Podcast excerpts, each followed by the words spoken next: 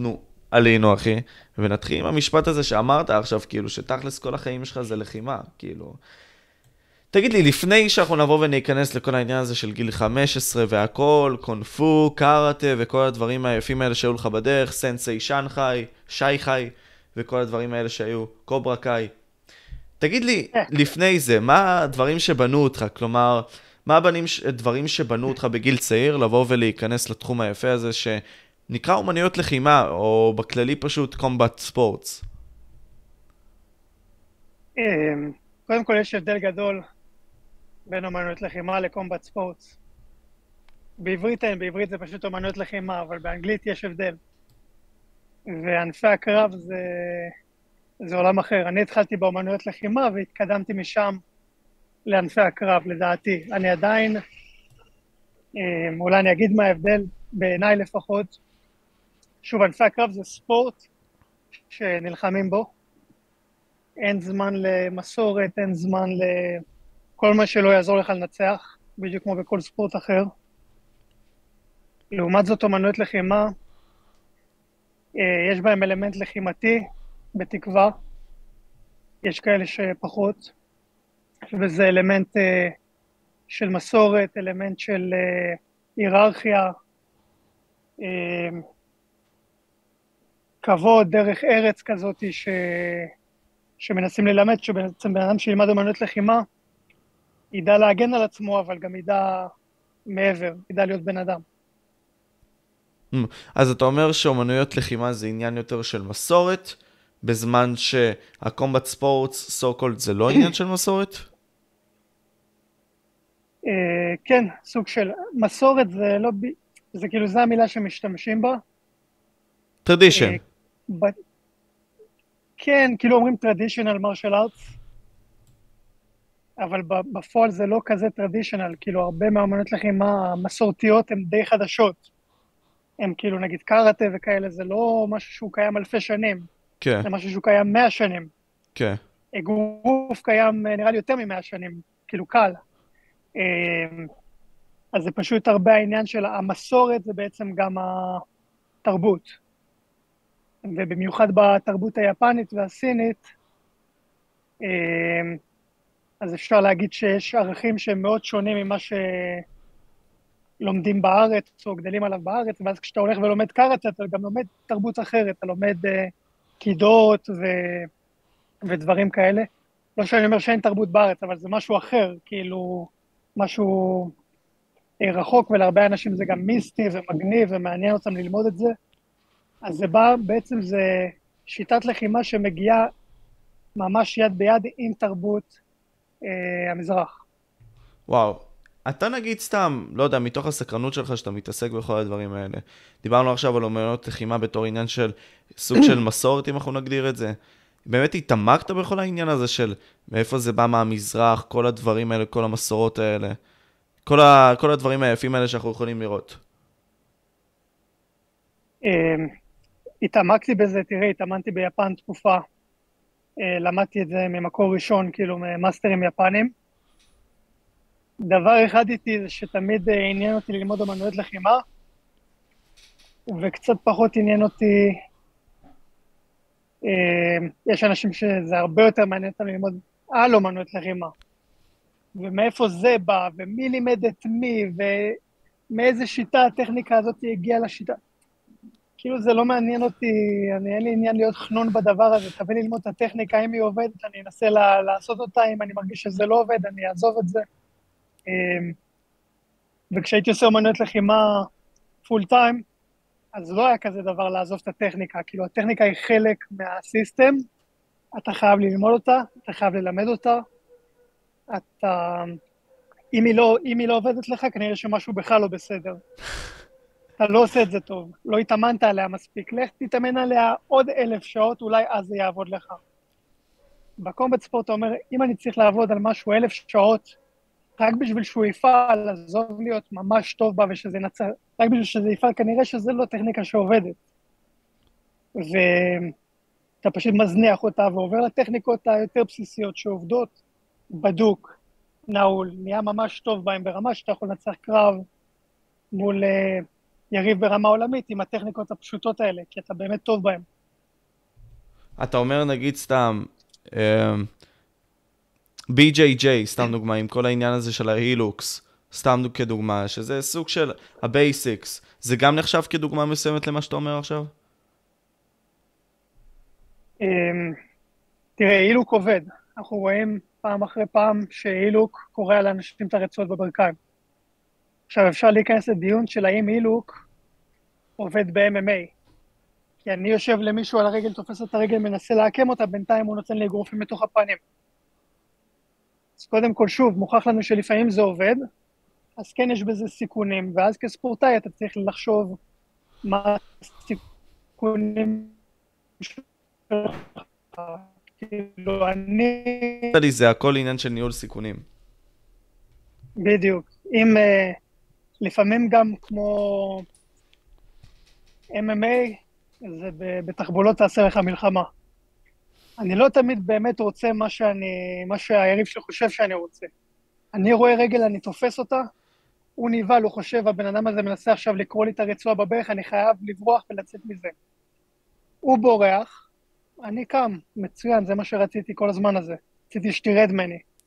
סיכנתי אותך פה כמו בשח, סיכנתי חייל אחד שלך בשביל שתעשה משהו מהלך ואני אוכל לך את המהלך. זה, זה משהו שתמיד רציתי לשאול, כלומר, כל העניין הזה של הקונספט של אומנויות המלחמה, סאנסו וכל הדברים האלה. אה, לבוא ולהראות את עצמך כחלש בזמן שאתה חזק, והפוך, כשאתה חזק להראות את עצמך חלש. כל הדברים האלה בסופו של יום זה העניין של האסטרטגיה והכל. הרי כלוחם נראה לי ב-UFC שזה כמו שאתה יודע, כולם כזה, אם לחבר את זה לאנלוגיה כלשהי, זה ה-NBA, אוקיי?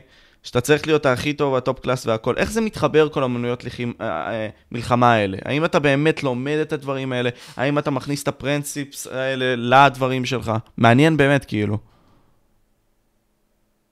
אמ, כן, שמע, זה חובה. בשביל להילחם ברמה גבוהה, אתה יודע שאני רוצה לתת לך אגרוף לפנים, כאילו, אני חייב להוסיף קצת... אה, פלפל, קצת לשחק, לעשות, אתה יודע, feint ים.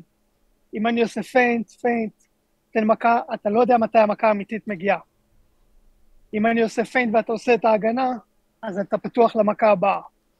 כל הזמן יש משחק, אנשים מסתכלים על הקרב וחושבים שזה ברברי, אם יש שתי אנשים שפשוט אה, נותנים אחד לשני אגרופים לפנים אה, עד שאחד נופל, ממש לא, זה ממש מורכב.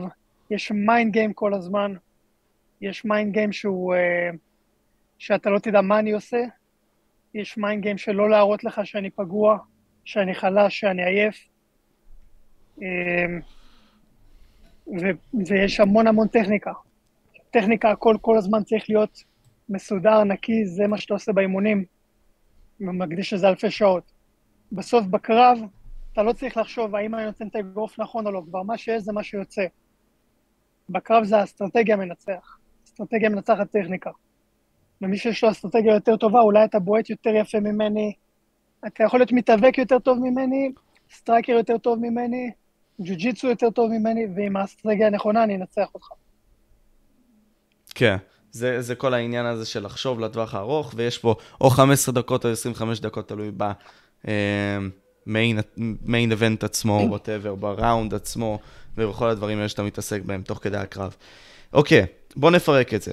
התחלת בתור ילד צעיר, בכלל התעניינת בכל מה שקשור לאומניות לחימה לפני גיל 15? כל הדברים האלה, מה עניין אותך לפני שאנחנו ניכנס לכל העניין הזה? אה, מה עניין אותי? אני זוכר, הייתי ילד. הדבר הראשון שאתה זוכר זה פתאום כזה... צווי הנינג'ה. אני יודע, כל מה שהיה תמיד אה, לחימה, רוקי, ברוסלי, צבי הנינג'ה, Power Ranger, כל דבר כזה, זה מה שעניין אותי. בהפסקה, עם מי אפשר ללכת מכות. אמ, למרות שרוב הפעמים, אה, כאילו, היו, היו יותר, אה, תלוי באיזה גיל, אבל בגדול היו עושים לי הרבה bullying כזה, אז לא הייתי צריך לחפש את המכות, זה היה תמיד בא אליי והייתי, והייתי נכון תמיד אה, להיכנס לקרב. אמ, אחר כך גם לפעמים אתה מחפש מישהו שהוא mutual partner, שגם uh, מי, מי רוצה ללכת איתי מכות היום? או יופי, מצאתי מישהו כזה. וואו, כן, אשכרה, אני יכול להבין אותך לגמרי. אם אתה רוצה כזה לבוא ולקחת אותו כזה לצד, אתה בא אליו לבית, בא, מוציא כזה, טק, טק, טק, וזהו, מספיק, הכל טוב. אה, היינו כזה, טוב, בשלוש אחרי בית ספר, נפגשים בפארק, הולכים מכות, סגור. וואו, חזק. אז כאילו כל פעם אתה אומר לי, זה משהו שהיה אצלך, אה, בא והוביל אותך כדרך חיים כלשהי, כל העניין הזה של הקרבות. התחלת איתי את, הפ... את השידור על זה, ואתה מסביר לי שבסופו של יום נכנסת לקונפו וקראטה בגיל כ-15, נכון? ולאט לאט הכרת שם אנשים מעניינים.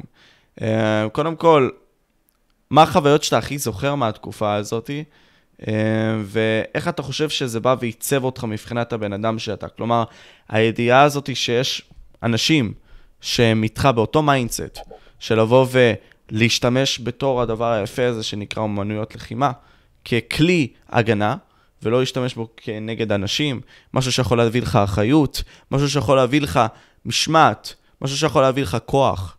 דברים שהם באמת חזקים וחשובים בדור שלנו. כן, תראה, מבחינתי התחלתי להתאמן ברצינות כי רציתי שינוי.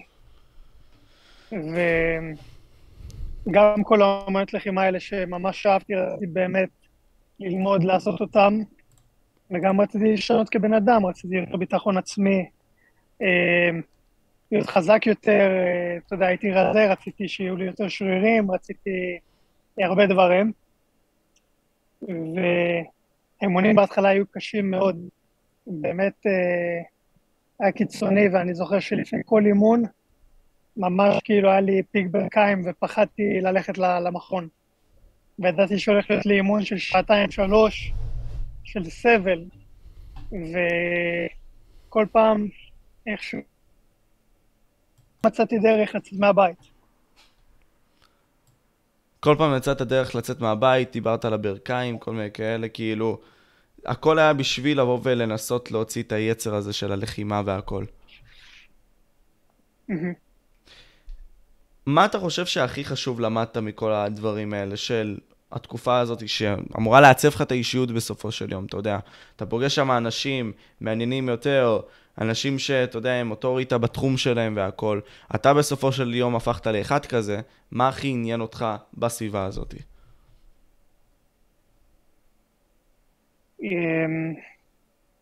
קודם כל כן, להיות עם אנשים אה, מעניינים, מגניבים, אה, שיש מה ללמוד מהם, ולמדתי בעצם שאתה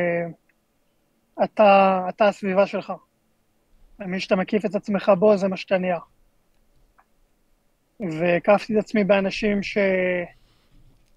ששמים את עצמם מול קושי כל יום. ונהייתי כזה. אם אתה מסתובב עם עשר ווינרים, אתה נהיה ווינר. אם אתה מסתובב עם עשר לוזרים, אתה... נהיה לוזר. גם לוזר. אז וואו, זה חשוב. כלומר, אנשים שחולקים קושי ביחד, זה משהו שבונה אותך כקבוצה, כבן אדם, ואני חושב, תתאר לי גם את כל העניין הזה של התחושה של כאב. כי משהו שאנחנו מפספסים היום, אתה יודע, במקום של הנוחות הזאת בתור אנשים שאתה יודע, נמצאים מול מחשב, הנה, אנחנו עכשיו מדסקסים כזה, יושבים והכל ומדברים, אבל מעטים מאיתנו נכנסים למצב הזה של כאב, קושי, המכה לפנים הזאת שמעוררת אותך. אבל עזוב מכה לפנים, האימונים האינטנסיביים האלה, שלפעמים גם בלי מים, כאחד שכן היה ספורטאי. Uh, אתה בא ואתה עושה את הקרדיו, אתה עושה את כל הדברים האלה, אתה כבר, אין לך, אין לך כוח, אתה מקיא, אני זוכר שאתה באת וסיפרת לי שהרבה מאוד מהאימונים שלך היית מקיא. למה? מהאינטנסיביות שלהם. אז כאילו, תסביר לי את התחושה הטובה והרעה הזאת, האמיתית נראה לי, של כאב. אמ, אתה צודק, כאב זה לא משהו שאנחנו חווים ביום-יום. פחות, אה, אתה יודע, אנשים אה, מתורבתים, אה, וחבל. כי אנחנו לא עשויים מזכוכית, וגם אני חושב שיש הרבה אנשים שאגרוף טוב לפנים רק יעשה להם טוב. רובנו snowflakes, על מה אתה מדבר? אנחנו צריכים כן, את זה. כן, בדיוק, בדיוק. אגרוף, גם כאפה יכול לעזור. אמ, וכן, להתמודד עם קושי, להכיר קושי פיזי, אמ, זה הכנה לקושי מנטלי. קושי מנטלי הוא יותר, אה, הוא יותר עוצמתי מכל קושי פיזי. כשאנחנו חווים קשיים בחיים, אה, זה יותר קשה מלחטוף בעיטות לרגל, או לחכות, אה, אתה יודע, במצב של שכיבות צמיחה והידיים שורפות, זה כלום. הקשיים שעוברים בחיים הם הרבה יותר קשים, וקושי הפיזי מכין אותך אליהם, מקשיח אותך לקראתם, ומחשל אותך. מחשל אותך. היה לך את, הרי בקר הזה, היה לך את סנסי קוברה קאי, שי חי. בכלים, מה למדת ממנו בתור בן אדם שהתאמן איתו? אה, אישיות מאוד מעניינת, בלי קשר, אבל מה למדת ממנו? כאחד שהיה תלמיד שלו, האם אתה זוכר דברים מעניינים ממנו? אמ, למדתי המון ממנו, אבל השיעורים האחרונים היו מה לא להיות ומה לא לעשות. וואו. נראה לי משם אני מעדיף להתקדם. ברור, מבין, מבין לגמרי. אז אוקיי, סבבה, הגענו לאיזשהו שלב שבעצם קיבלת את החגורות השחורות שלך, גיל 18-19, בין אם זה בקונג פו, בקראטה וכל מיני כאלה, נתקדם הלאה. היה לך את התוכנית ריאליטי הזאת, שבכלל באה ואמרה כזה, אוקיי, תבואו ותהיו אנשי MMA וכל מיני כאלה, תהיו כזה ב house, כמו, כמו ב Ultimate Fighter, סתם דוגמה, משהו בסגנון הזה. אה, נכון? אני לא טועה בפרטים? כן, הציעו לי, אמרתי כן, וזה לא יצא לפועל בסוף, אבל אני כבר היה לי את הג'וק שאני הולך לעשות MMA, וכבר uh, רצתי ועשיתי כל מה שצריך בשביל להתכונן לקרב MMA, חוץ מללמוד ג'ו-ג'יצו. אז כבר החלטתי שאני אטוס לארה"ב ואעשה את זה כמו שצריך. אז זהו, זה בעיה. אני רוצה ממש להתעמק איתך על זה, כי בסופו של יום, תקשיב, אני אתן לך וידוי. אני אישית צלם של אחד הכרוזים הדי גדולים בארץ, ב-MMA. אני לא יודע אם אתה מכיר את השם שלו, עומר אפרת. Uh, בכללי, עומר עצמו נמצא בהרבה מאוד זירות, בהרבה מאוד מקומות. אני גם כאילו ראיתי הרבה מאוד אירועים חובבניים של MMA בארץ, ואתה יודע, משהו שאני ראיתי שאותך הוא גם מטריד, אבל אותי הוא גם כאחד שמאוד אוהב את הענף הזה, זה שאין פה תרבות. כלומר, התרבות פה קיימת, האנשים פה מתעניינים. נגיד, אתה רואה עכשיו, היה את האירוע קרונור חביב, אתה רואה ביוטיוב, הם הגיעו ל-500 אלף צפיות, נגיד סתם לסרטון שהיה בעברית על זה.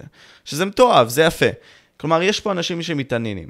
אבל אין פה כל כך הרבה שמות שיצאו מפה. כלומר, שאוש סך הכל הגיעו ל-UFC, יש לנו את אה, חיים גוזלי שהוא מוגר בסצנה, כי הוא גריינדר ממש בנוגע לשיווק והכל. אבל אין לנו תרבות אמיתית של אנשים שאנחנו יכולים להגיד, וואו, הם הולכים להיות הטאלנטים הבאים שלנו. פרט לשמעון סמוטריצקי, שיכול לבוא, אילי, אילי ברזילי, שהוא חבר שלך. אה, אין פה תרבות. כלומר, איפה אתה רואה פה את הבעיה עם התרבות בארץ, מבחינת ה-MMA? איפה אנחנו, לדעתך גם, יכולים לשפר את זה, כאחד שהוא לוחם? אמ, אני לא חושב שזה...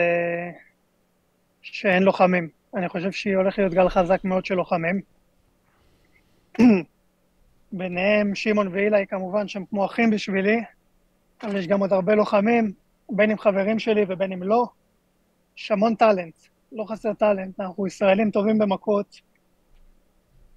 אה, הולך לנו יחסית למדינה כזאת קטנה, לא רע בג'ודו. אה, בטקוונדו, באמצע הקרב, יש, יש עם מי לדבר. הנטו זה באמת, הבעיה זה התרבות, כמו שאתה אומר. אני חושב שחלק גדול מהתרבות הזאת זה הדורות הקודמים שמנסים אה, לתת איזושהי השפעה או להשאיר עדיין חותם על הספורט. לא יקרה, כאילו, מי ש... הפיונירס של הענף, הראשונים הישראלים, יש להם את הכבוד שלהם. אבל צריך אה, להתקדם הלאה, וצריך לתת לדור החדש את החשיפה שמגיעה לו. וכמובן שאימונים, מאמנים מחו"ל ואימונים בחו"ל ודברים כאלה רק יעזרו, אבל יש טאלנטים, יש לדעתי, הולך להיות גל חזק מאוד של אה, לוחמים בעתיד הקרוב. אז זהו, דיברתי עם שם, שרון זורי על זה, שהוא אחד האנשים שיש להם את המועדונים של ה-MMA בארץ. יש לו אחד שממוקם בעיר שלי, אשקלון, והוא אמר, זה הרבה מאוד משחקי אגו בסופו של יום, שיש אצל מאמנים, בדיוק. שמונעים בעצם מהספורט להתקדם קדימה, ואתה אומר שזה מאוד מורגש. במה זה מורגש? כלומר, לא נדבר עכשיו על אנשים ספציפיים, כמו מה שהם עושים בשביל למנוע את הדברים האלה מלקרות, כאחד שבאמת רוצה להבין פה איך, איך זה עובד, מה הבעיה וכל מיני כאלה. כן, אתה יודע, כמו שאתה אומר, אני אישית מעולם לא רציתי להתערבב עם הסצנה בארץ, ומעבר ללבוא ואתה יודע, ולתת ידע או לעשות מנטורינג ללוחמים צעירים, כאילו, ולעזור להם איפה שאני יכול, אף פעם לא רציתי להילחם בארץ, אף פעם לא רציתי לעזור לשווק אירועים בארץ וכל הדברים האלה, פשוט כי אני לא, מבחינתי לא לתת, אני לא יכול לתת. את הפנים שלי ואת השם שלי, גם לפני שהייתי מוכר בכלל, אני לא יכול, כאילו, אין, יש לי יושרה, ואני לא יכול לקחת חלק באירוע שמבחינתי הוא לא כשר, הוא רקוב, יש בו משהו לא בסדר, האנשים שמנהלים אותו הם אה, אגומניאקים. כאילו, פשוט צריך לתת לה... צריך, אה, אתה יודע, לרוקן את הביצה ולתת לטאלנטים החדשים אה, את הבמה שמגיעה להם. ומה זה אומר לדעתך? כלומר, אני מכיר הרבה מאוד אנשים צעירים, הרבה מאוד טאלנט בארץ, חלקם פרסונל, חלקם פחות, שיש להם טאלנט, ראיתי אותם. אני יכול אה, למנות אותם בשמות, אבל אין צורך. הכוונה היא כזאת, שמה היית מייעץ להם לעשות בתור לוחמים שכבר נמצאים בישראל? הם אמנם לא עשו את המוב שאתה עשית, שאילי עשה וכל מיני כאלה, לעבור לארצות הברית, בשביל לבוא ולהפוך את הדבר הזה לאמיתי. מה היית מציע להם לעשות בשביל לבוא ולמקסם את עצמם ואת האפשרות להגיע באמת, בין אם זה לבלאטור, לוואן או ל-UFC? אמ, כל אחד הוא מקרה שונה, וכל אחד אולי הייתי נותן לו הדרכה שונה. לא כל אחד חייב לטוס לארצות הברית, אבל אמ, כן כל אחד צריך לעשות כאילו מה שהוא יכול כדי להיות הכי טוב שהוא יכול. ו... ולחשוב, להיות טיפה... לוחם צריך להיות טיפה אגואיסט. אוקיי, צריך לחשוב על עצמו. ואני אני כאילו, אני גם צריך לקחת את העצה הזאת לפעמים, כי אני יותר מדי, אתה יודע, עושה דברים מתוך נאמנות, וזה חשוב, נאמנות זה חשוב, וכבוד זה חשוב, ואני הכי בעד, אבל בסוף צריך לדעת מה, מה עושה לך טוב ומה עושה לך רע. ומבחינת קריירת MMA, להישאר בארץ ולנסות להגיד, אה, אני אגיע ל-UFC מהמכון שלי, כי את המאמן שלי אני הכי אוהב, וזה... תכבד את המאמן שלך בזה שאתה יודע שהוא הביא אותך לרמה שבה עכשיו אתה צריך לצאת מהקן. המאמן שלך לימד אותך לעוף, תכבד אותו על זה תמיד. עכשיו הגיע הזמן לעוף. צריך להתחרות בחו"ל, צריך להתאמן בחו"ל. אמ, יותר זול לטוס לחו"ל להתאמן מאשר להביא פרטנרים מחו"ל, כן, אז כל עוד אתה לא עושה ים כסף מקרבות, זה, זה המסלול. שזה רוב הסיכויים לא הקייס עם כמות האפשרויות שיש לך. מבחינת הקרבות. ממש לא עושים הרבה כסף. אז כאילו, אוקיי, אתה אומר לי, בסופו של יום, באים ומגדלים אותך, תצא מהקן, אתה תוכל לתת להם את ה shout-out אחרי זה שאתה עומד בזירה. בדיוק. וכל הדברים האלה, אבל אין מה לעשות. כלומר, אתה אומר לי שאתה חוטא בזה טיפה לפעמים, אבל יש לנו את הדבר הזה שגם, אתה יודע, דיברנו על אה, NBA בקטנה, הרי נגיד, uh, הצד הזה של ה business, כלומר הנאמנות הזאת, שזה די פייק, כלומר, כן, יש דבר כזה שנקרא נאמנות, אבל נאמנות לקבוצה, נאמנות לדבר מסוים, אבל הכל בסופו של יום זה ביזנס. מה מקדם אותך למען המטרה שלך? מה ייתן לך לספר את הסיפור הזה בצורה הכי טובה שיש? והאם לדעתך, ועד כמה לדעתך חשובה הנאמנות הזאתי? האם היא חשובה כשאתה תגיע לכל המטרות שלך, אתה תשמור עליה עד הסוף, כאילו מההתחלה כזה עד הסוף. כי יש הרבה מאוד אנשים שיגידו, למה אני אעזוב את המאמן שלי? הוא מכיר אותי הכי טוב. למה שאני אעזוב אותו? הוא, לא, יודע את ה-ins and out שלי.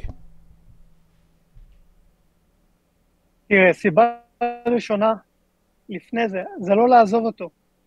מי שמאמן שלך, לפחות אצלי, תמיד יהיה מאמן שלי, אני תמיד אקרא לו המאמן, אני תמיד אה, אכבד אותו. אם ישאלו אותי מי לימד אותי, הוא תמיד יהיה בשמות האלה. אבל uh, הסיבה לעזוב את המאמן, שוב, מה זה לעזוב את המאמן? זה ללכת להתאמן בעוד מקומות. זה פשוט כי מאמן בישראל, אין לו את הכלים לתת לך, להביא אותך לרמה הכי גבוהה של הספורט. Uh, הוא יכול לקחת אותך הכי רחוק שהוא יכול, ואולי זה רחוק מאוד. אבל בסוף חלק ענק מזה זה להתאמן עם פרטנרים שהם לוחמי MMA ברמה גבוהה.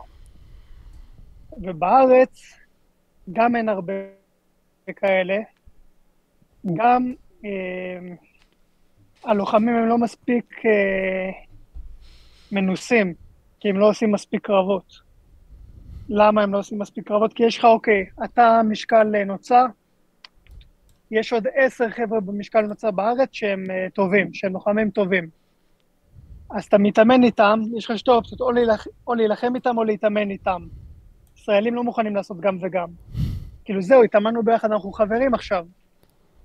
אז גם אם אתה, אתה רוצה להיות הכי טוב שאתה יכול, אתה צריך להתאמן עם הכי טובים שאתה יכול שבסביבה שלך. אתה גם צריך להילחם עם הכי טובים שבסביבה שלך.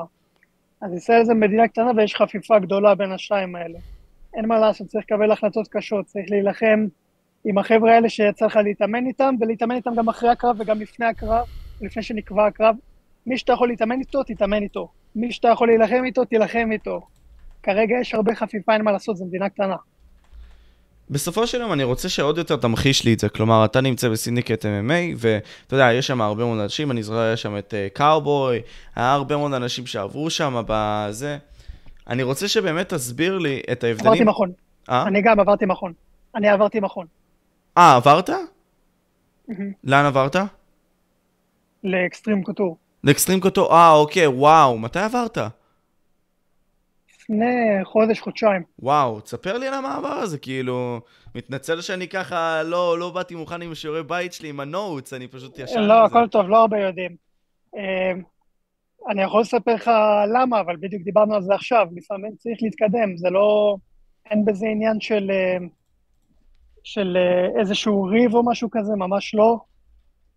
זה פשוט, אתה צריך לדעת מי הביא אותך לאן שאתה, להודות לו על זה, ובאותו רגע לעצור ולחשוב, והרגע הזה הוא כל יום, או כל שבוע, או כל חודש, להגיד מה אני עושה עכשיו כדי להיות הלוחם הכי טוב שאני יכול. וגם אם זו החלטה קשה כמו לעבור אה, מכון שאתה אוהב, ומעריך את המאמן, ומעריך את החברים שם, צריך לעשות את זה. אז רגע, באקסטרים קוטור, אם אני לא טועה, יש לך את uh, רנדי מן הסתם, את, uh, וואי, ריי ספו, אם אני לא טועה, נכון? ריי ספו אחד המאמנים, כן. אז אוקיי, אני פחות או יותר מכיר את הטים עצמו. מעניין אותי, כאילו, רציתי לשאול את השאלה הזאת בעניין לסינדיקט, אבל אתה, אתה בלי קשר חווית את הניסיון הזה. כלומר, איך זה מרגיש להתחרות מול אנשים שהם בליגות האחרות? כלומר, נמצאים לך בבלאטורים למיניהם, נמצא לך בוואנים למיניהם, נמצא לך ב-UFC, כאילו, אתה באמת מרגיש את ההבדלים ברמות שלהם כלוחמים? זה באמת משהו שמגדיר אותם? כלומר, אה, כמו ליגה א', ב' וליגת, אה, הליגה הלאומית בכדורגל? ממש ככה? לגבי ההשוואה לכדורגל, אני לא יודע... אבל, לא, אבל... לא יודע כלום על כדורגל, אבל אני מבין אותך. אמ, תראה, אני יכול להגיד לך שכשאתה נלחם מול חבר'ה שהם טובים מבלאטור והם בטופ, הם חיות רעות והם לוחמים מעולים, ואין מה להגיד. מצד שני, אתה יכול פתאום יום אחד להגיע למכון ולעבוד עם מישהו שהוא גרוע, ולחשוב שכאילו, אוי, מה נפלתי עכשיו בסיבוב עם הבן אדם הזה שהוא פשוט לא טוב, ולגלות שהוא עוד לוחם בבלאטור או בוואן או באיזה משהו כזה, ובחיים זה לא יקרה ב-UFC. גם ה-level הכי נמוך שיש ב-UFC, הם טובים. כאילו, אף פעם לא נתקלתי במישהו שפשוט דרסתי באימון, ואחר כך פתאום גיליתי להפתעתי שהוא ב-UFC. לא קרה. מישהו שהוא ב-UFC, הוא נותן fight, כאילו... גם אם הוא לא מדהים, לא נתקלתי במישהו גרוע מה-UFC. כלומר, הם בסופו של דבר כולם מקצוענים. גרוע בסטנדרטים שלי, כן? כן. אני, הם, כאילו, הלוחמים האלה הם כולם טובים וכולם מנוסים, אבל אני מדבר ברמה שעל המזרון, שיש שם רוצחים על המזרון, ופתאום מגיע לך מישהו שהסיבוב איתו הוא קל, אז זה לא מישהו מה-UFC. והרמת דקדוק שלהם, אני מניח, בנוגע לכל דבר שהם עושים. כלומר, אני זוכר, באחד הראיונות שתום לולר עשה, שערוץ הספורט ראיינו אותו, הם אמרו כזה, כאילו, אה, אני זוכר את נתן לוי, זה, בן אדם כל הזמן מאוד מדוקדק, מאוד פרופסיונלי, מאוד שומר על האימונים שלו, מטורף וכל מיני כאלה, אני מאוד זוכר את הרעיון הזה. אה, אתה רואה מה ההבדלים בעצם בין אותם אנשים בליגות השונות? כלומר, מבחינת המקצועניות שלהם, ביחס למה שאתה עושה, כמה אתה רואה את ההבדל? אמ, זה מאוד אינדיבידואלי. יש חבר'ה ב-UFC, שוב, כולם טובים, אבל יש חבר'ה ב-UFC שהם יותר טובים בגלל אה, איזה מתנת אה, אל, כאילו הם יותר כישרוניים, והם לא הכי מקצוענים. אה, נדיר אבל קורה. ויש חבר'ה שהם הכי גרועים בעולם, אבל הם מקצוענים והם הכי טובים שהם יכולים להיות. כי הם uh, מאוד מקצוענים. אני מבחינתי תמיד, uh, מהיום הראשון שלי הייתי מקצוען. לפני שהיה לי קרב חובבני ראשון הייתי מקצוען. כשהייתי חובבני הייתי מקצוען. כשהייתי מקצועני רציתי להיות ברמת משמעת של לוחם uh, UFC, מה שהיה לי בראש. אז זה אומר עוד לבל במקצוענות. עכשיו שאני ב-UFC אני רוצה להיות מקצוען כמו אלוף, ומסתכל מה אלופים עושים ואיך אני יכול אה, לשחזר את זה. אמ, אז אתה יודע, אתה יכול להיות מקצוען הכי גדול שיש מ-day one, וזה כנראה ייקח אותך הכי רחוק שאתה יכול להגיע. אמ, ואתה יכול גם להיות כישרוני, עם הכי הרבה כישרון בעולם, ולא להיות מקצוען, ולהגיע לא קרוב למה שהיית יכול. אז זה אינדיבידואלי. אז אתה אומר לי בסופו של יום... אין ספק שלא להיות מקצוען יש לזה מחיר גדול. Mm, לא להיות מקצוען יש לזה מחיר גדול. בסופו של יום אתה אומר לי, הכל זה מדרגות בחיים. בשביל להשתפר אנחנו צריכים כל הזמן לכוון למדרגה היותר גבוהה. וכשאתה מכוון למדרגה היותר גבוהה, אתה כל הזמן צריך לשאול שאלות ולהתפתח. משהו שמאוד אפיין את קובי בריינט, אם אנחנו נבוא ונציין אותו, זה תמיד הסקרנות שלו והרצון ללמוד מהטובים ביותר. אה, בין אם זה להתקשר אליהם, בין אם זה לבוא ולשאול מה אתה עשית באותו משחק, למה לארי ברד פתאום הוא הבן אדם הכי איטי על המגרש, אבל הוא עושה דברים מטורפים כאלה. כל הדברים האלה כאנלוגיות שאולי הצופים יכולים להתחבר אליהם. אני שואל אותך, נתן, מה נגיד סתם אתה עושה בשביל לבוא וללמוד מאותם אנשים? מאוד מעניין אותי בתור הסתכלות של לוחם, מה אתה עושה. מה אני עושה כדי ללמוד מאלופים? מהאנשים כאילו? שכל הזמן, נגיד סתם, אתה עכשיו נמצא בדרגה כזאת, כן, הגעת ל-UFC, אתה נמצא אה, בלייט ווייט וכל מיני כאלה, ויש לך את האלופים, יש לך את מי שהיה, עכשיו את אוליברה, אוקיי, סתם דוגמה. איך אנחנו לומדים מאותם אלופים גם שהיו? סתם דוגמה. איך אתה מסתכל על זה? קודם כל, אתה תמיד יכול אה, לראות קרבות שלהם ולנסות ללמוד. דבר שני, כמו שאמרנו, אתה מקיף את עצמך באנשים האלה. כלומר, כשיש לך אימון, אתה לא מחפש מי הסיבוב הכי קל על המזרון, אתה מחפש מי הסיבוב הכי קשה על המזרון. במקום uh, לעשות כיף ולהרביץ למישהו חמש דקות, אתה מקבל מכות חמש דקות, אבל אתה לומד מזה. ואז אתה שואל אותם, והחבר'ה שאתה מתאמן איתם זה בדרך כלל החבר'ה שאתה נהיה חבר שלהם, אתה לא... נדיר שאתה מתאמן עם קבוצה אחת על המזרון, ואחרי האימון אתה הולך לאכול עם קבוצה אחרת. חבר'ה שלך זה מי שאתה מתאמן איתו, תתאמן עם החבר'ה הטובים. תתחבר איתם. לא בקטע צבוע, פשוט זה, זה מה שקורה באופן טבעי, אתה על המזרון עם חבר'ה הרבה זמן, הרבה שעות ביום, אתם מתחברים. אתה שואל אותם שאלות, אתה סוף סיבוב אפילו שחטפת, אתה אומר, מה, מה עשיתי לא בסדר, אומרים לך, מתקנים אותך, נותנים לך הערות, אתה מביא חבר שיסתכל עליך מתאמן, אה, עושה אימון קרבות, והוא נותן לך בסוף הערות, אתה מצלם את עצמך, מתאמן. יש לי שתי טראבייט ב iCloud, שהם כבר מלאים. אני מחפש דרך לקנות עוד טראבייטים ב iCloud, זה לא נותן לי. הרוב זה סרטונים של אימונים. וואו. בלי לדבר דיסקים קשיחים שיש לי בחדר, זה מה שאני יכול בכל רגע נתון להסתכל עליו. וואו. אתה מצלם את עצמך עובד ומנתח את זה, בין אם זה קרב אימון, שזה הדבר הכי קרוב לקרב אמיתי, ובין אם זה אפילו לכות או drillים או אימון האבקות, יש לי כל מיני חצובות קטנות כאלה שאני מדביק, יש לי על הקירות במכון.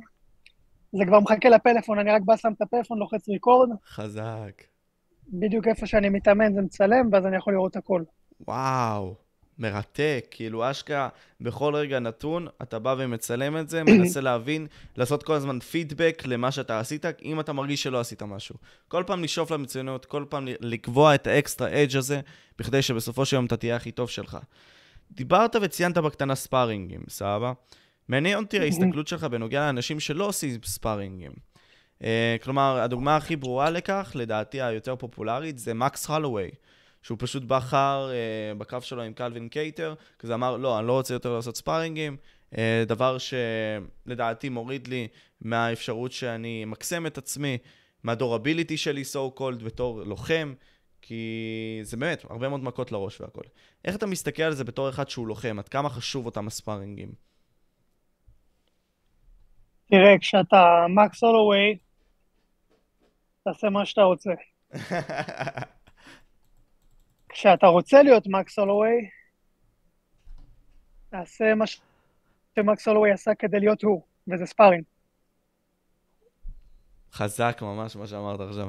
לא, כאילו, בסופו של יום, כשאתה מגיע לדרגות האלה, אתה יכול לראות כבר מה מתאים לך פחות, מה מתאים לך יותר, אבל תלמד מהאנשים לאיך הם הגיעו לדרך שלהם, ותעשה מה שהם עשו בערך. ותראה אם זה עובד לך. חזק ממש. מה... יש לך, יש לך הלף בר, לכמה מכות אתה יכול לחטוף לראש בקריירה, עד שאתה כבר uh, מראייר. uh, אם המספר הזה הוא 10,000, וקיבלת כבר 8,000, אז אולי כדאי שתשמור את האלפיים האחרונים לזירה. אני אישית לא חוטף הרבה, הרבה מכות לראש באימונים, גם כי אני שומר על עצמי, כלומר, גם זה חשוב לי להגן טוב, לעבוד המון על הגנה. גם כי אני בוחר את הפרטנרים הנכונים, וזה לא אומר אף פעם לא להתקש... להתכסח. אבל לא להתכסח שלוש פעמים בשבוע ולקבל פיצוצים לראש שלוש פעמים בשבוע. זה דרך מהירה לעשות את עצמך נכה. ספארינג צריך להיות uh, רוב הזמן לימודי. אתה צריך לחטוף, אתה צריך לתת, אתה לא צריך לקבל זעזועי מוח. Uh, אתה צריך להיות מסוגל לנסות דברים חדשים, ללמוד. להסתכל, להיות צלול, לראות. ואז כשאתה מתקרב לקרב, אתה מתחיל ממש להיכנס ל-fight or flight כזה, להרגיל את עצמך ממש להיות בתוך האש, ולחטוף ולתת, והסטייקס הרבה יותר גבוהים, הסיכון הוא יותר גבוה, הדופק שלך יותר גבוה, אתה מאוד זהיר, כשאתה חוטף זה יותר כואב, אתה צריך ממש לעבוד קשה לא לחטוף ולתת שיוצא חזק. ככה אתה מכין את עצמך לקרב. אבל לבוא ובקבוע לעשות ספארינג חזק ולפוצץ אחד את השני, כדי לראות uh, למי יש יותר גדול וכאלה, לא, לא מעניין אותי. ספארינג הולנדי כזה. אלוף המכון. כן, לא מעניין אותי להיות האלוף במכון. להיות אלוף uh, בזירה. ויש הרבה מאוד אנשים שמשאירים את הקריירה שלהם במכון מאשר בזירה. כלומר, אתה יודע, הרי החשש הזה מ-CTE הוא דבר אמיתי. כלומר, אנחנו ראינו את זה כל כך הרבה בבוקסינג. CTE, למי שלא מכיר, זה מחלה שבעצם מצטברת עדף ממושך לראש אה, לאורך קריירה שלמה, אה, ובאגרוף זה משהו שהוא כבר די ידוע, אה, משהו שנחשף על ידי הספורט האמריקאי של הפוטבול, המחלה הזאת לפני זה קרוב ל-17 שנה. עכשיו, השאלה שלי היא כזאת, אנחנו רואים אנשים כמו גייל גודריץ', צ'אק לידל, מרק האנט, כולם כזה מאבדים את, ה... את הצורת דיבור שלהם, את הדיקציה בצורה ברורה, גייל גודריץ' בצורה יותר מוגזמת. איך אתה מסתכל על סיטי כלוחם? לא יודע, 100% לא מטריד אותך, כי אתה נכנס בזה, אתה עובד, זה לא מעניין אותך. ההשלכות יהיו אחרי זה, כי אתה לוחם, אבל האם בכל זאת יש חשש סביב האנשים שאתה רואה שהם כן קיבלו את זה, למרות הקריירה שלהם ב-MA?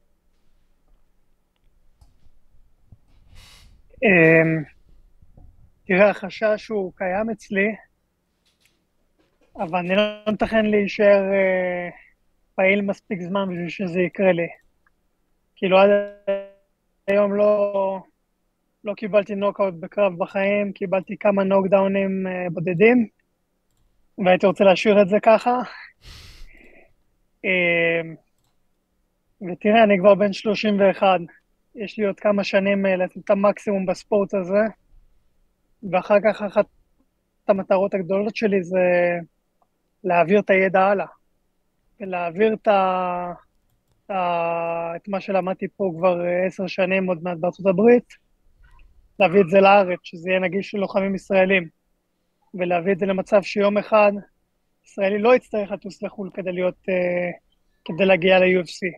יוכל להתאמן בארץ, לחיות בארץ, לעבוד בלי להתמודד עם הקשיים עד שהוא מרוויח מספיק כסף מקרבות, um, ואז אפילו להתאמן בארץ ולטוס רק לקרבות, או לקרבות. Uh, זה המטרה שלי. קודם כל אני צריך אבל uh, אני לעשות את המטרות שלי בקריירה, וזה המטרות לאחרי.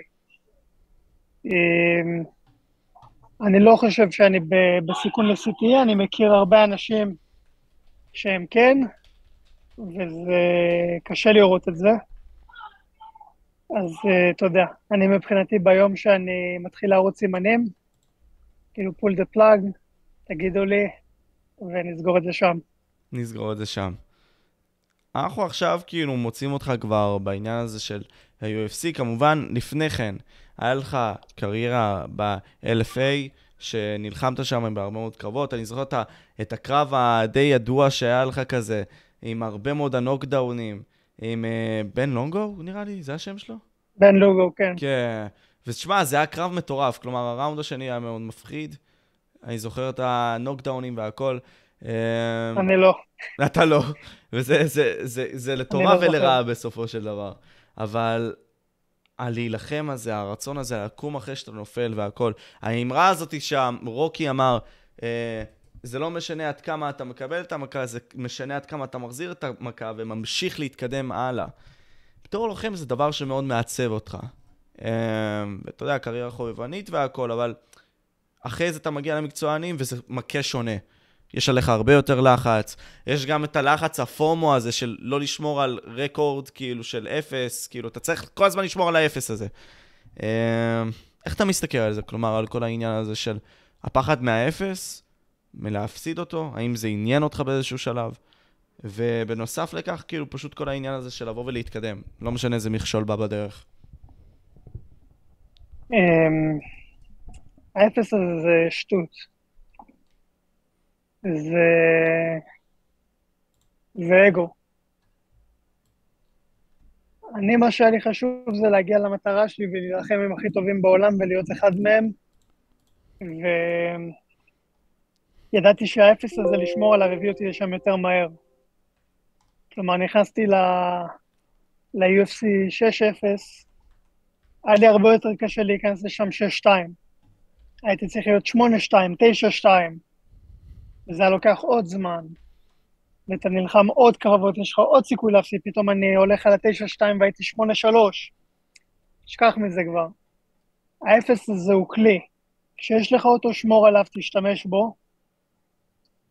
אה, אבל אתה, אל תבנה, אל, אל תבנה את הערך העצמי שלך על האפס הזה. כי אם תילחם מספיק, יום יבוא ותאבד אותו. וזה בסדר. כי מי שנלחם, אה, מי שנלחם באמת, מפסיד בסוף. מי שלא מפסיד לא נלחם. פרט לחביב. פרט לחביב, נכון.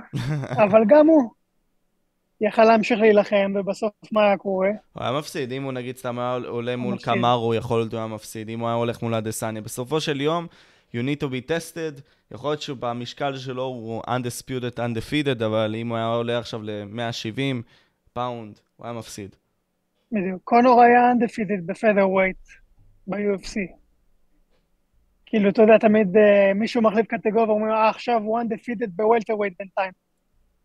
כן, אבל בסוף הוא יפסיד ב welterweight כמו שהוא יפסיד ב lightweight, אבל ייקח זמן. זה לא משנה, זה הכל uh, אגו. אני, אני 10-0. אתה נלחם, זה מה שחשוב. אתה נלחם, זה מה שחשוב. וזה עוד פעם מוביל אותנו לליד של השאלה השנייה הזאת, כלומר, it's not about how you can, hard you can get, it's about how you can eat it and keep moving forward.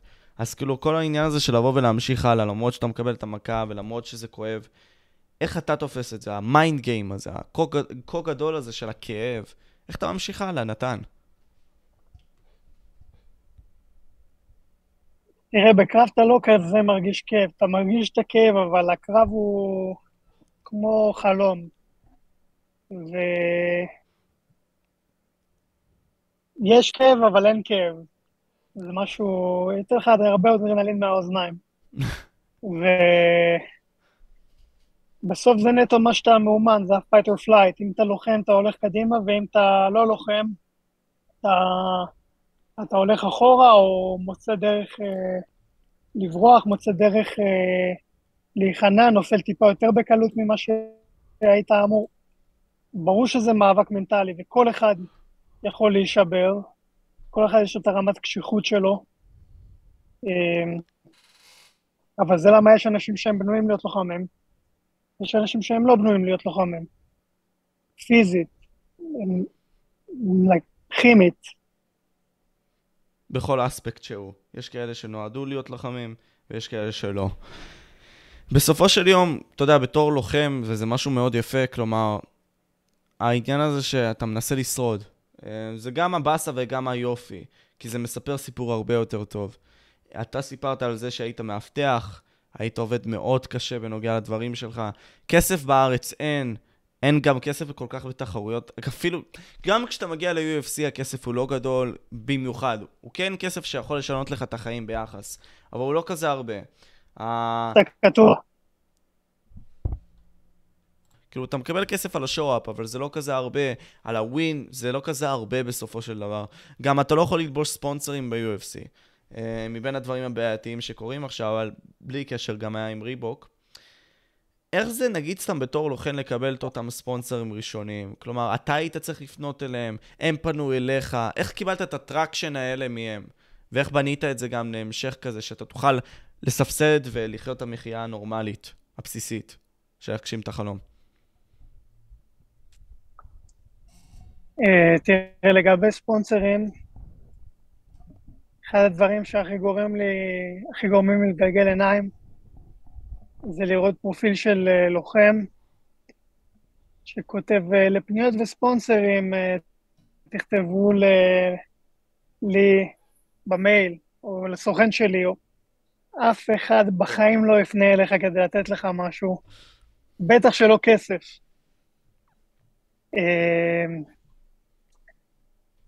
תראה, לא הייתי, לא הייתי חזק במדיה החברתית או משהו. אה, יום אחד פרסמתי איזה סרטון שלי עושה קאטה של קארטה, שהיה אז בשבילי ויראלי, כאילו היה לזה, לא יודע, 20-30 אלף צפיות, ואז זה התחיל כאילו להתגלגל ויותר עוקבים וזה, ואז התחלתי להבין את הכוח אה, את הכוח של הדבר הזה. התחלתי ללמוד את זה ברצינות ו... ולהבין איך לקדם את עצמי דרך המדיה החברתית. ואז פניתי לחברות ואמרתי להם, היי, זה מי שאני, אה, זה מה שאני צריך, זה מה שאני מציע בתמורה. כלומר, אה, כסף או ציוד או משהו כזה, מה התמורה שלי. אה, ככה וככה פוסטים באינסטגרם, לוגו על המכנס, אני עולה לקרב מול 20 אלף איש, טה-טה-טה, ואתה לאט לאט מוצא חברות שזורמות איתך. וזה עוזר, אבל בסוף אתה צריך להתקיים ממשהו, ובהתחלה זה לא יהיה זה. צריך לעבוד, פשוט זה קל. ועוד דבר שמאוד uh, חורה לי, זה אנשים שמבקשים אה, מימון המונים.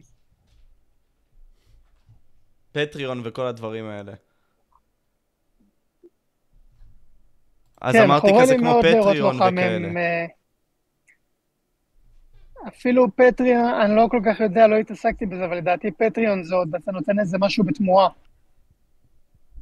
אה, זה אנשים שיש להם... אה, מעריצים או עוקבים והם רוצים תוכן אקסקלוסיבי ודברים כאלה, זה בסדר לדעתי.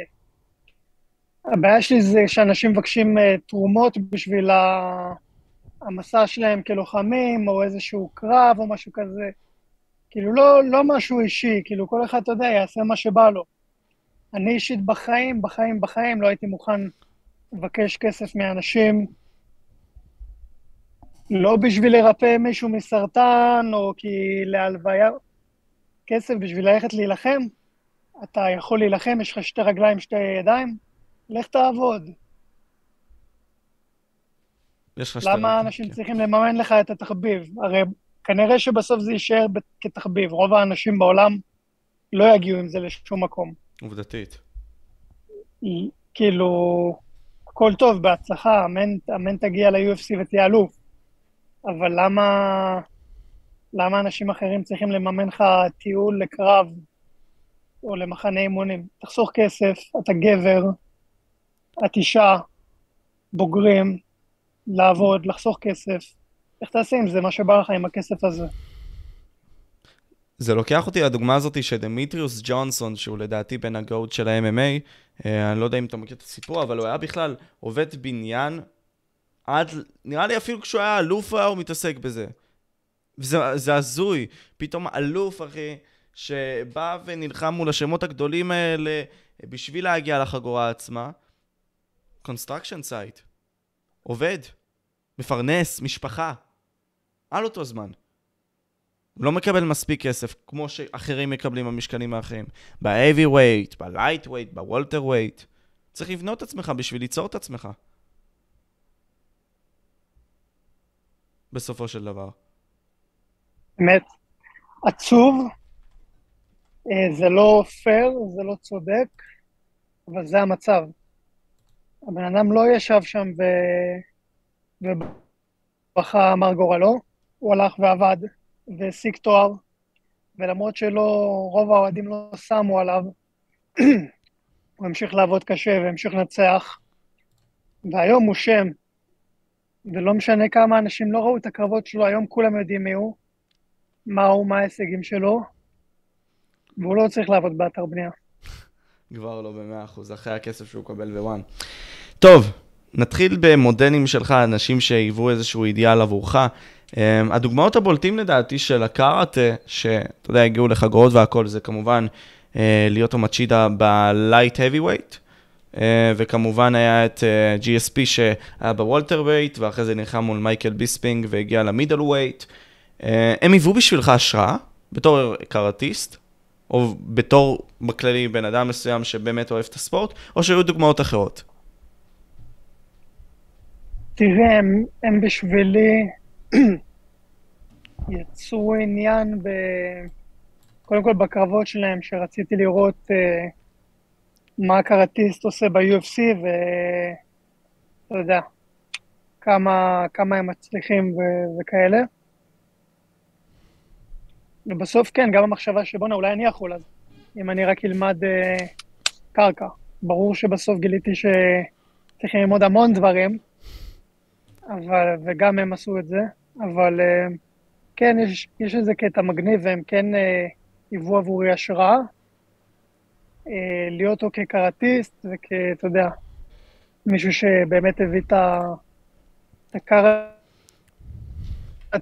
לזירה, ו-GSP שהוא פחות היה נלחם כמו קראטיסט, אבל שמר על עקרונות ו- ודרך ארץ וכל הדברים האלה שאמרנו, ובאופן כללי היה ספורטאי ענק.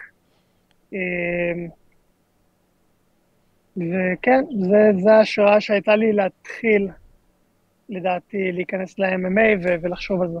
מי לדעתך הגוטס, כאילו לדעתך ב-MMA? Uh, לדעתי GSP. Uh, אתה יודע, זה, זה רשימה, אבל אם צריך לבחור באחד זה GSP.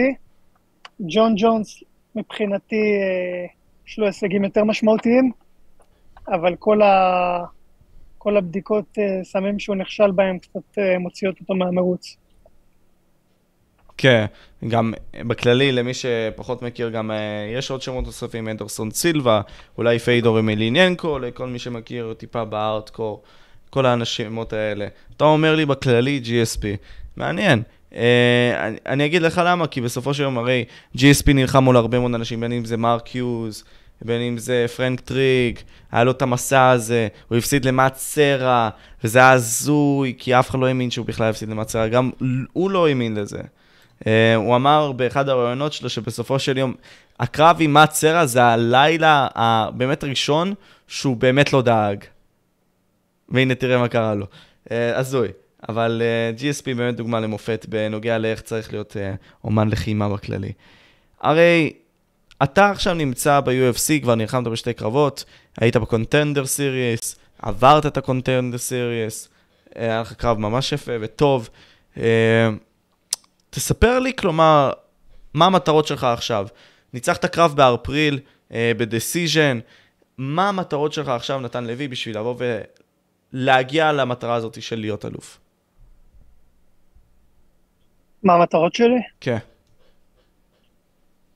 אה, קודם כל אני נלחם בשלישי בדצמבר באורלנדו. זה קרב ראשון שלי אה, מול קהל ב-UFC, וגם זה יהיה יריב אולי הכי קשוח שפגשתי עד היום. אה, צריך לפרק אותו, ומשם להתקדם.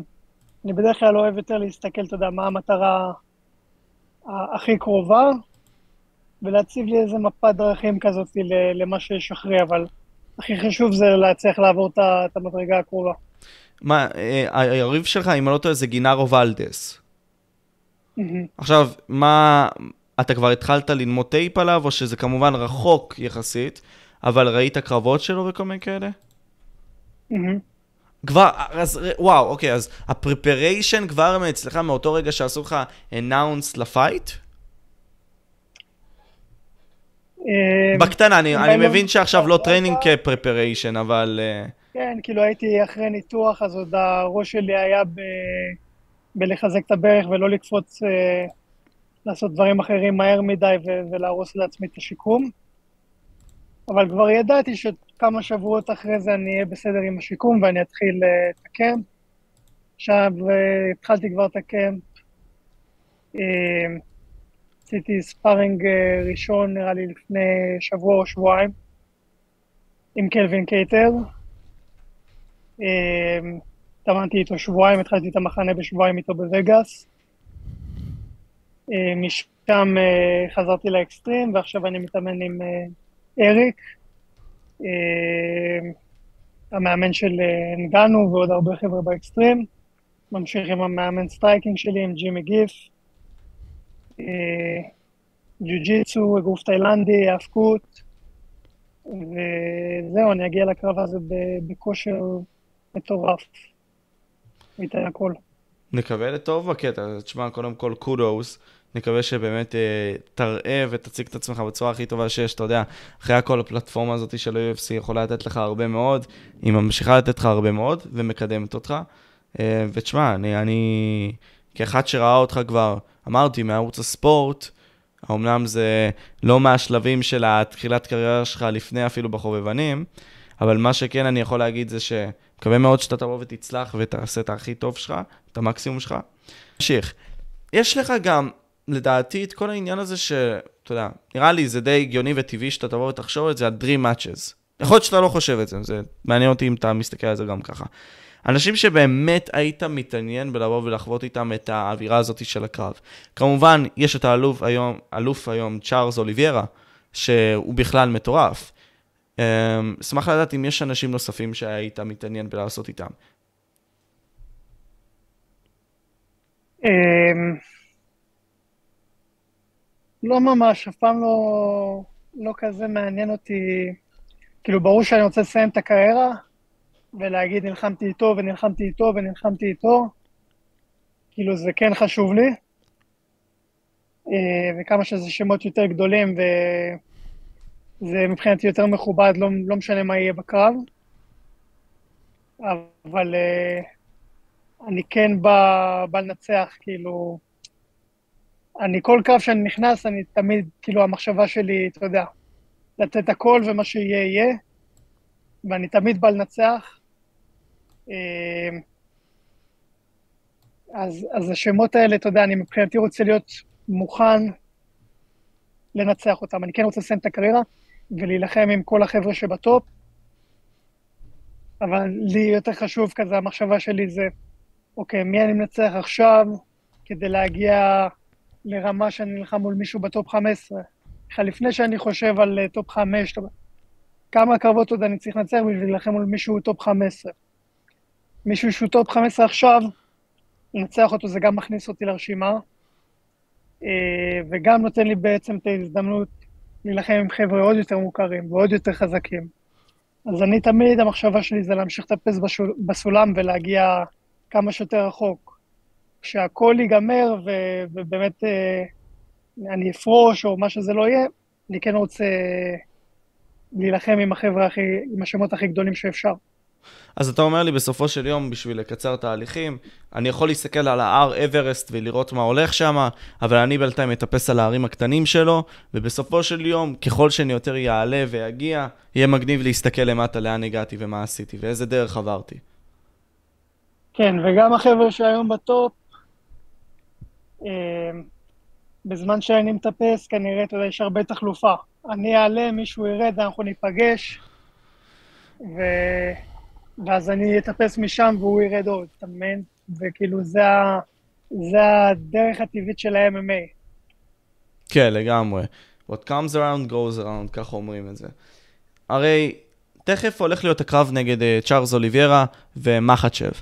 Uh, מה הטייק שלך על הקרב הזה? כי הרי, אתה יודע, זה מעניין בכל מקרה, כתובת משקל שלך.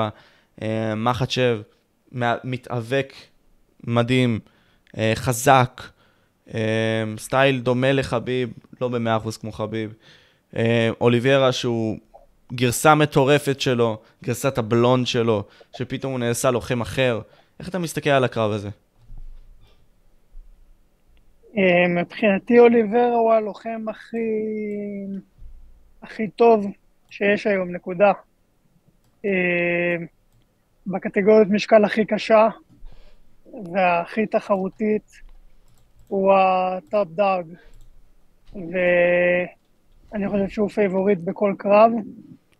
אמנם אה, מחצ'ב הוא, ה... הוא ה contender, אבל אוליברה זה האלוף מבחינתי, והאלוף הוא לעולם לא אנדרדוג. יש לך prediction? מבחינת כל העניין הזה של אה, מה הולך לקרות בקרב עצמו שיוביל לזה? אמ, אני רואה את אוליברה מנצח. איך? כנראה או ב... כנראה איזה knockdown ותפוס לו את הגב או משהו. אממ. זה הדרך הכי טובה של אוליברה לנצח. זה הדרך הכי טובה של אוליברה לנצח, לדעתי פשוט אוליברה גרסה מטורפת, אני גם מסכים איתך. יש לנו גם. עדיין בקטגוריית המשקל הזאת את קונור, לדעתך הוא מתישהו יחזור בכלל? לבוא ולהתחרות או שזה הכל דיבורים, כי בסופו של יום תחילת featherweight, קונור היה בן אדם שדיבר, עשה. lightweight דיבר, עשה. welter עד שהוא הגיע לשלב של פלויד מייוודר, הוא דיבר ועשה. אה, איפה אתה רואה את קונור בעצם מסיים את הקריירה שלו? האם הוא עדיין ממשיך, או שהוא סיים כבר מבחינתך? אני לא רואה אותו עושה איזה טייטל רן או משהו, הוא סיים. האם הוא יילחם שוב? יכול להיות. אבל מבחינתי הוא גמור, כאילו, הוא סיים. ובכללי גם, בנוגע לקונור עצמו, דיברנו על, לא דיברנו על היריב שלו, חביב, אמרת בגוטס GSP. הרבה מאוד אנשים עכשיו יבואו ויגידו חביב, חביב, חביב, הרבה מאוד בגלל האייפ הנוכחי והכל. את, איך אתה מסתכל על חביב? כמובן, בא וניצח הרבה מאוד שמות מאותרים, אה, בין אם זה ג'סטין גייצ'י, קונור, אה, הרבה מאוד אנשים מעניינים, איך אתה מסתכל על חביב?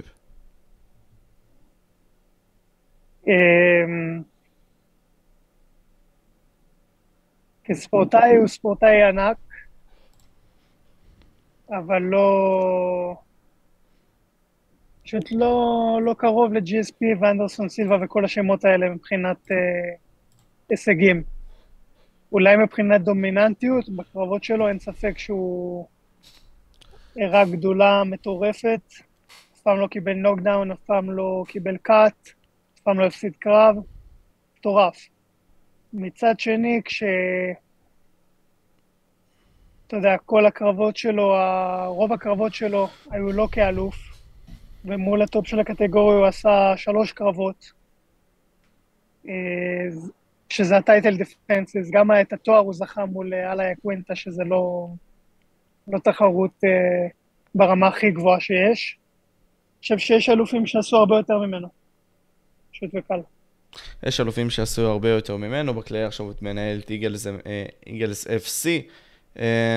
מעניין שהוא לקח את הצד הזה, בסופו של יום לבוא ולהרחיב את ה brand שלו, להשתמש בכוח שלו, שיעשו דברים מעניינים ברוסיה. נבוא ונתעסק בעוד כמה נושאים אחרונים. דיברת על אותו צעיר שבאמת אוהב MMA. הוא רוצה לחלום את החלום, הוא רוצה להגיע רחוק. אתה גם היית כזה באיזשהו שלב, צעיר כזה. אתה גם עכשיו צעיר, אבל יחסית. פעם הייתי צעיר. פעם היית צעיר. ובסופו של יום, אנשים מסתכלים עליך כדוגמה מסוימת. אתה יודע, אני נמצא בסרקלס האלה של MMA, תמיד אומרים כזה, נתן לוי, נתן לוי השראה, כל מיני כאלה. מהסיבה הפשוטה שהגעת לשם. אתה ועוד שתיים בהיסטוריה של UFC שהם ישראלים הגיעו לשם. איזה טיפ היית רוצה לתת לאותו צעיר שרוצה להגיע לחלום הזה שנקרא UFC? להגיע לבמות הגדולות, להשפיע, לנצח, לחוות.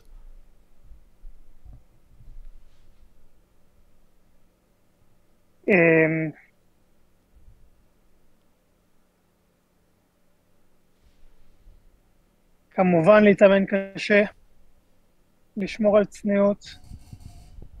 מה זה אומר לשמור על צניעות? זה אומר אה, גם להוריד פוזה, להיות אה, פתוח ללמוד, להיות פתוח אה, לביקורת ממאמנים, להיות פתוח לחבר'ה, אתה יודע, צעירים, למעשה ככה זה כשאתה צעיר אתה חושב שאתה יודע הכל, ואתה לא. והדרך היחידה כן ללמוד משהו זה להיות פתוח ללמוד אותו. אה, משהו שהרבה אנשים עושים ואומרים ומדברים עליו זה fake it until you make it. ואני חושב שאנשים אה, לוקחים את זה לכיוון הלא נכון. הרבה לוחמים בארץ צעירים חושבים שהם צריכים להתנהג כמו מגרגור, ללכת עם איזושהי פוזה, לשים, אה, אתה יודע, להתנהג כמו חביב, לשים ציטוטים של מגרגור באינסטגרם. אה, וואי, עכשיו אתה אלוף, אחי. לא. Uh, המשפט הזה אולי, אני גם לא אוהב אותו. צריך לשנות אותו. זה צריך, uh, אתה יודע, be it until you become it. תתנהג, תתנהג כאילו אתה אלוף, תתנהג כאילו אתה לוחם ב-UFC עד שתהיה. אבל להתנהג כאילו אתה לוחם ב-UFC זה לא אומר לצלם uh, שעון רולקס מזויף שקנית בתאילנד uh, ולעלות לסטורי. זה, זה הפייק. זה כשלוקחים את הפייק ובאמת נהיים fake, ו fake זה מושג שלילי. אתה רוצה to fake it? תתנהג כמו אלוף. מה אלוף עושה? כמה פעמים הוא מתאמן ביום? כמה הוא רץ? מה הוא אוכל? מה הוא מדבר, לאן, איך הוא מדבר לאנשים אחרים? איך הוא מדבר לעצמו? זה אלוף. אתה רוצה להיות אלוף, תתנהג כמו אלוף. אל תתנהג כמו אלוף, כמו מה שראית את פלויד ומגרגור מעלים באינסטגרם. וואו, בסופו של דבר אתה אומר מקצועניות, לשמור על מקצועניות. להיות מקצוען. כן.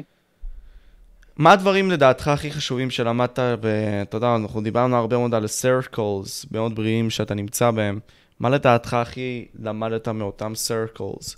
אמ, בין אם זה בתור בן אדם, להיות אדם יותר טוב, ובין אם זה גם בלהיות לוחם יותר טוב. אמ, אה, כל מה שאני יודע, למדתי ממישהו, או, או משיעורים אה, קשים מאוד. אמ, קשה, קשה לשים את האצבע, אבל שוב, זה פשוט להיות בסביבה טובה, אה, סביבה שמוכנה לעבוד קשה, סביבה ש, שפתוחה לשמוע. גם מאמנים שלי, אתמול ישבתי עם שתי מאמנים שלי, עשינו ארוחה כאילו של אה, תחילת קמפ כזה, התחלנו כבר את הקמפ לפני כמה שבועות, אבל התיישבנו באמת להגיד, אה, אתה יודע, כל אחד מה הוא רוצה, מה הוא מצפה. המאמנים שלי שאלו אותי, הם אמרו לי, יש, אה, אנחנו פה בשולחן, יש לך שלוש מאמנים. אני, המאמן השני, ואתה. אתה המאמן השלישי. מה, מה היית רוצה שהמאמן השלישי ילמד אותך? כאילו, מה, אם אתה היית מאמן את עצמך, מה היית רוצה? מה היית חושב שצריך לשפר? מה היית... הם פתוחים לשמוע מה שלי יש להגיד. אחד המאמנים נותן לי הערה, הוא אומר למאמן השני, מה יש לך להוסיף? אנשים פתוחים לשמוע אחד את השני, מבינים שהם לא יודעים הכול, אפילו שהם מבינים ויודעים המון. אה, הם מבינים שביחד כולנו יותר חזקים.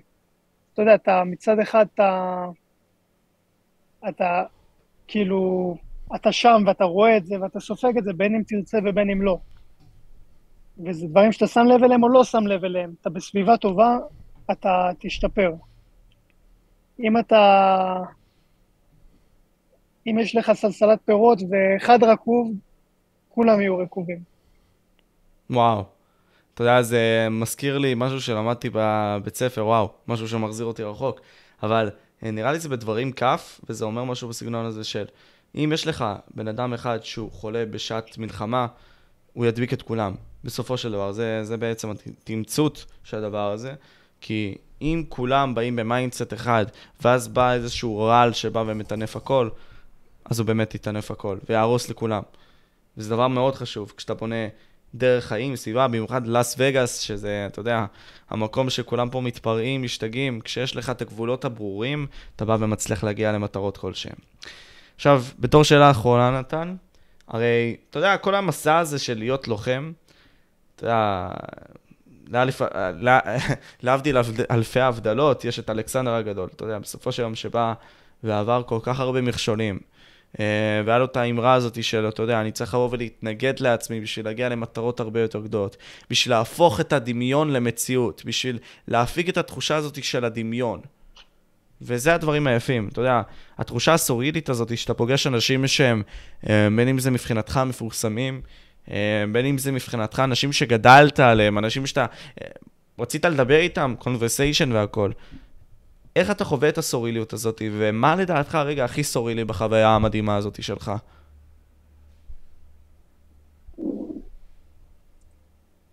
הרגע הכי סוריאליסטי זה שאתה בזירה וברוס באפר מקריא את השם שלך. אמ, ואתה יודע ש... It's about to get real. shit is about to get real, כן. כן. אמ, וכן, תשמע, אני אסיר תודה על החיים שאני זוכה לחוות, ואני אסיר תודה למאמנים שלי ומי שהשקיע בי ונתן לי וכל פעם שעזר לי להגיע לפה, ואסיר תודה לעצמי, שהייתי מוכן לעמוד בקשיים האלה כדי לרדוף אחרי איזשהו חלום הזוי, אה, שבסוף איכשהו יתממש. אמ, וזהו, ואם אתה לא... אם אתה לא מוקיר תודה לדברים האלה, אתה עלול אה, לאבד אותם. גם לאבד אותם באמת וגם לאבד את מה שהרווחת, כי הרווחת את התחושה הזאת של ההצלחה, של ההישגיות, של... אה, כאילו, אני שמח מהמצב שאני נמצא בו, גם בחיים המקצועיים, גם בחיים האישיים, ואם אני לא מוקיר על זה תודה, אז אני בעצם אחזור להיות אה, לא מרוצה או לא מבסוט, או... ואז למה עבדתי כל כך קשה? כי אם אני אקח את זה כמובן מאליו שאני ב-UFC, אז אני אהיה כמו איזה מישהו שעובד בסתם עבודה, כאילו זה בשבילי עוד עבודה, ולמה עבדתי כל כך קשה. כן. אתה צריך להעריך את זה שאתה בטופ, להיות צנוע וענב, ובסופו של יום באמת להעריך את האנשים סביבך, ולא להיות עם אף מעל כולם כזה, להיות גדול מעל כולם לדעתי. אמ, זה באמת חזק מה שאתה אומר. לדעתך, אבל מכל המסע שלך, אני יודע שזה מטומטם לשאול את זה, אבל אני בכל זאת אשאל, יש לי את האומץ. אמ, כמה מבחינתך הכל זה מזל, וכמה מבחינתך הכל זה השקעה? מכל החוויה שלך.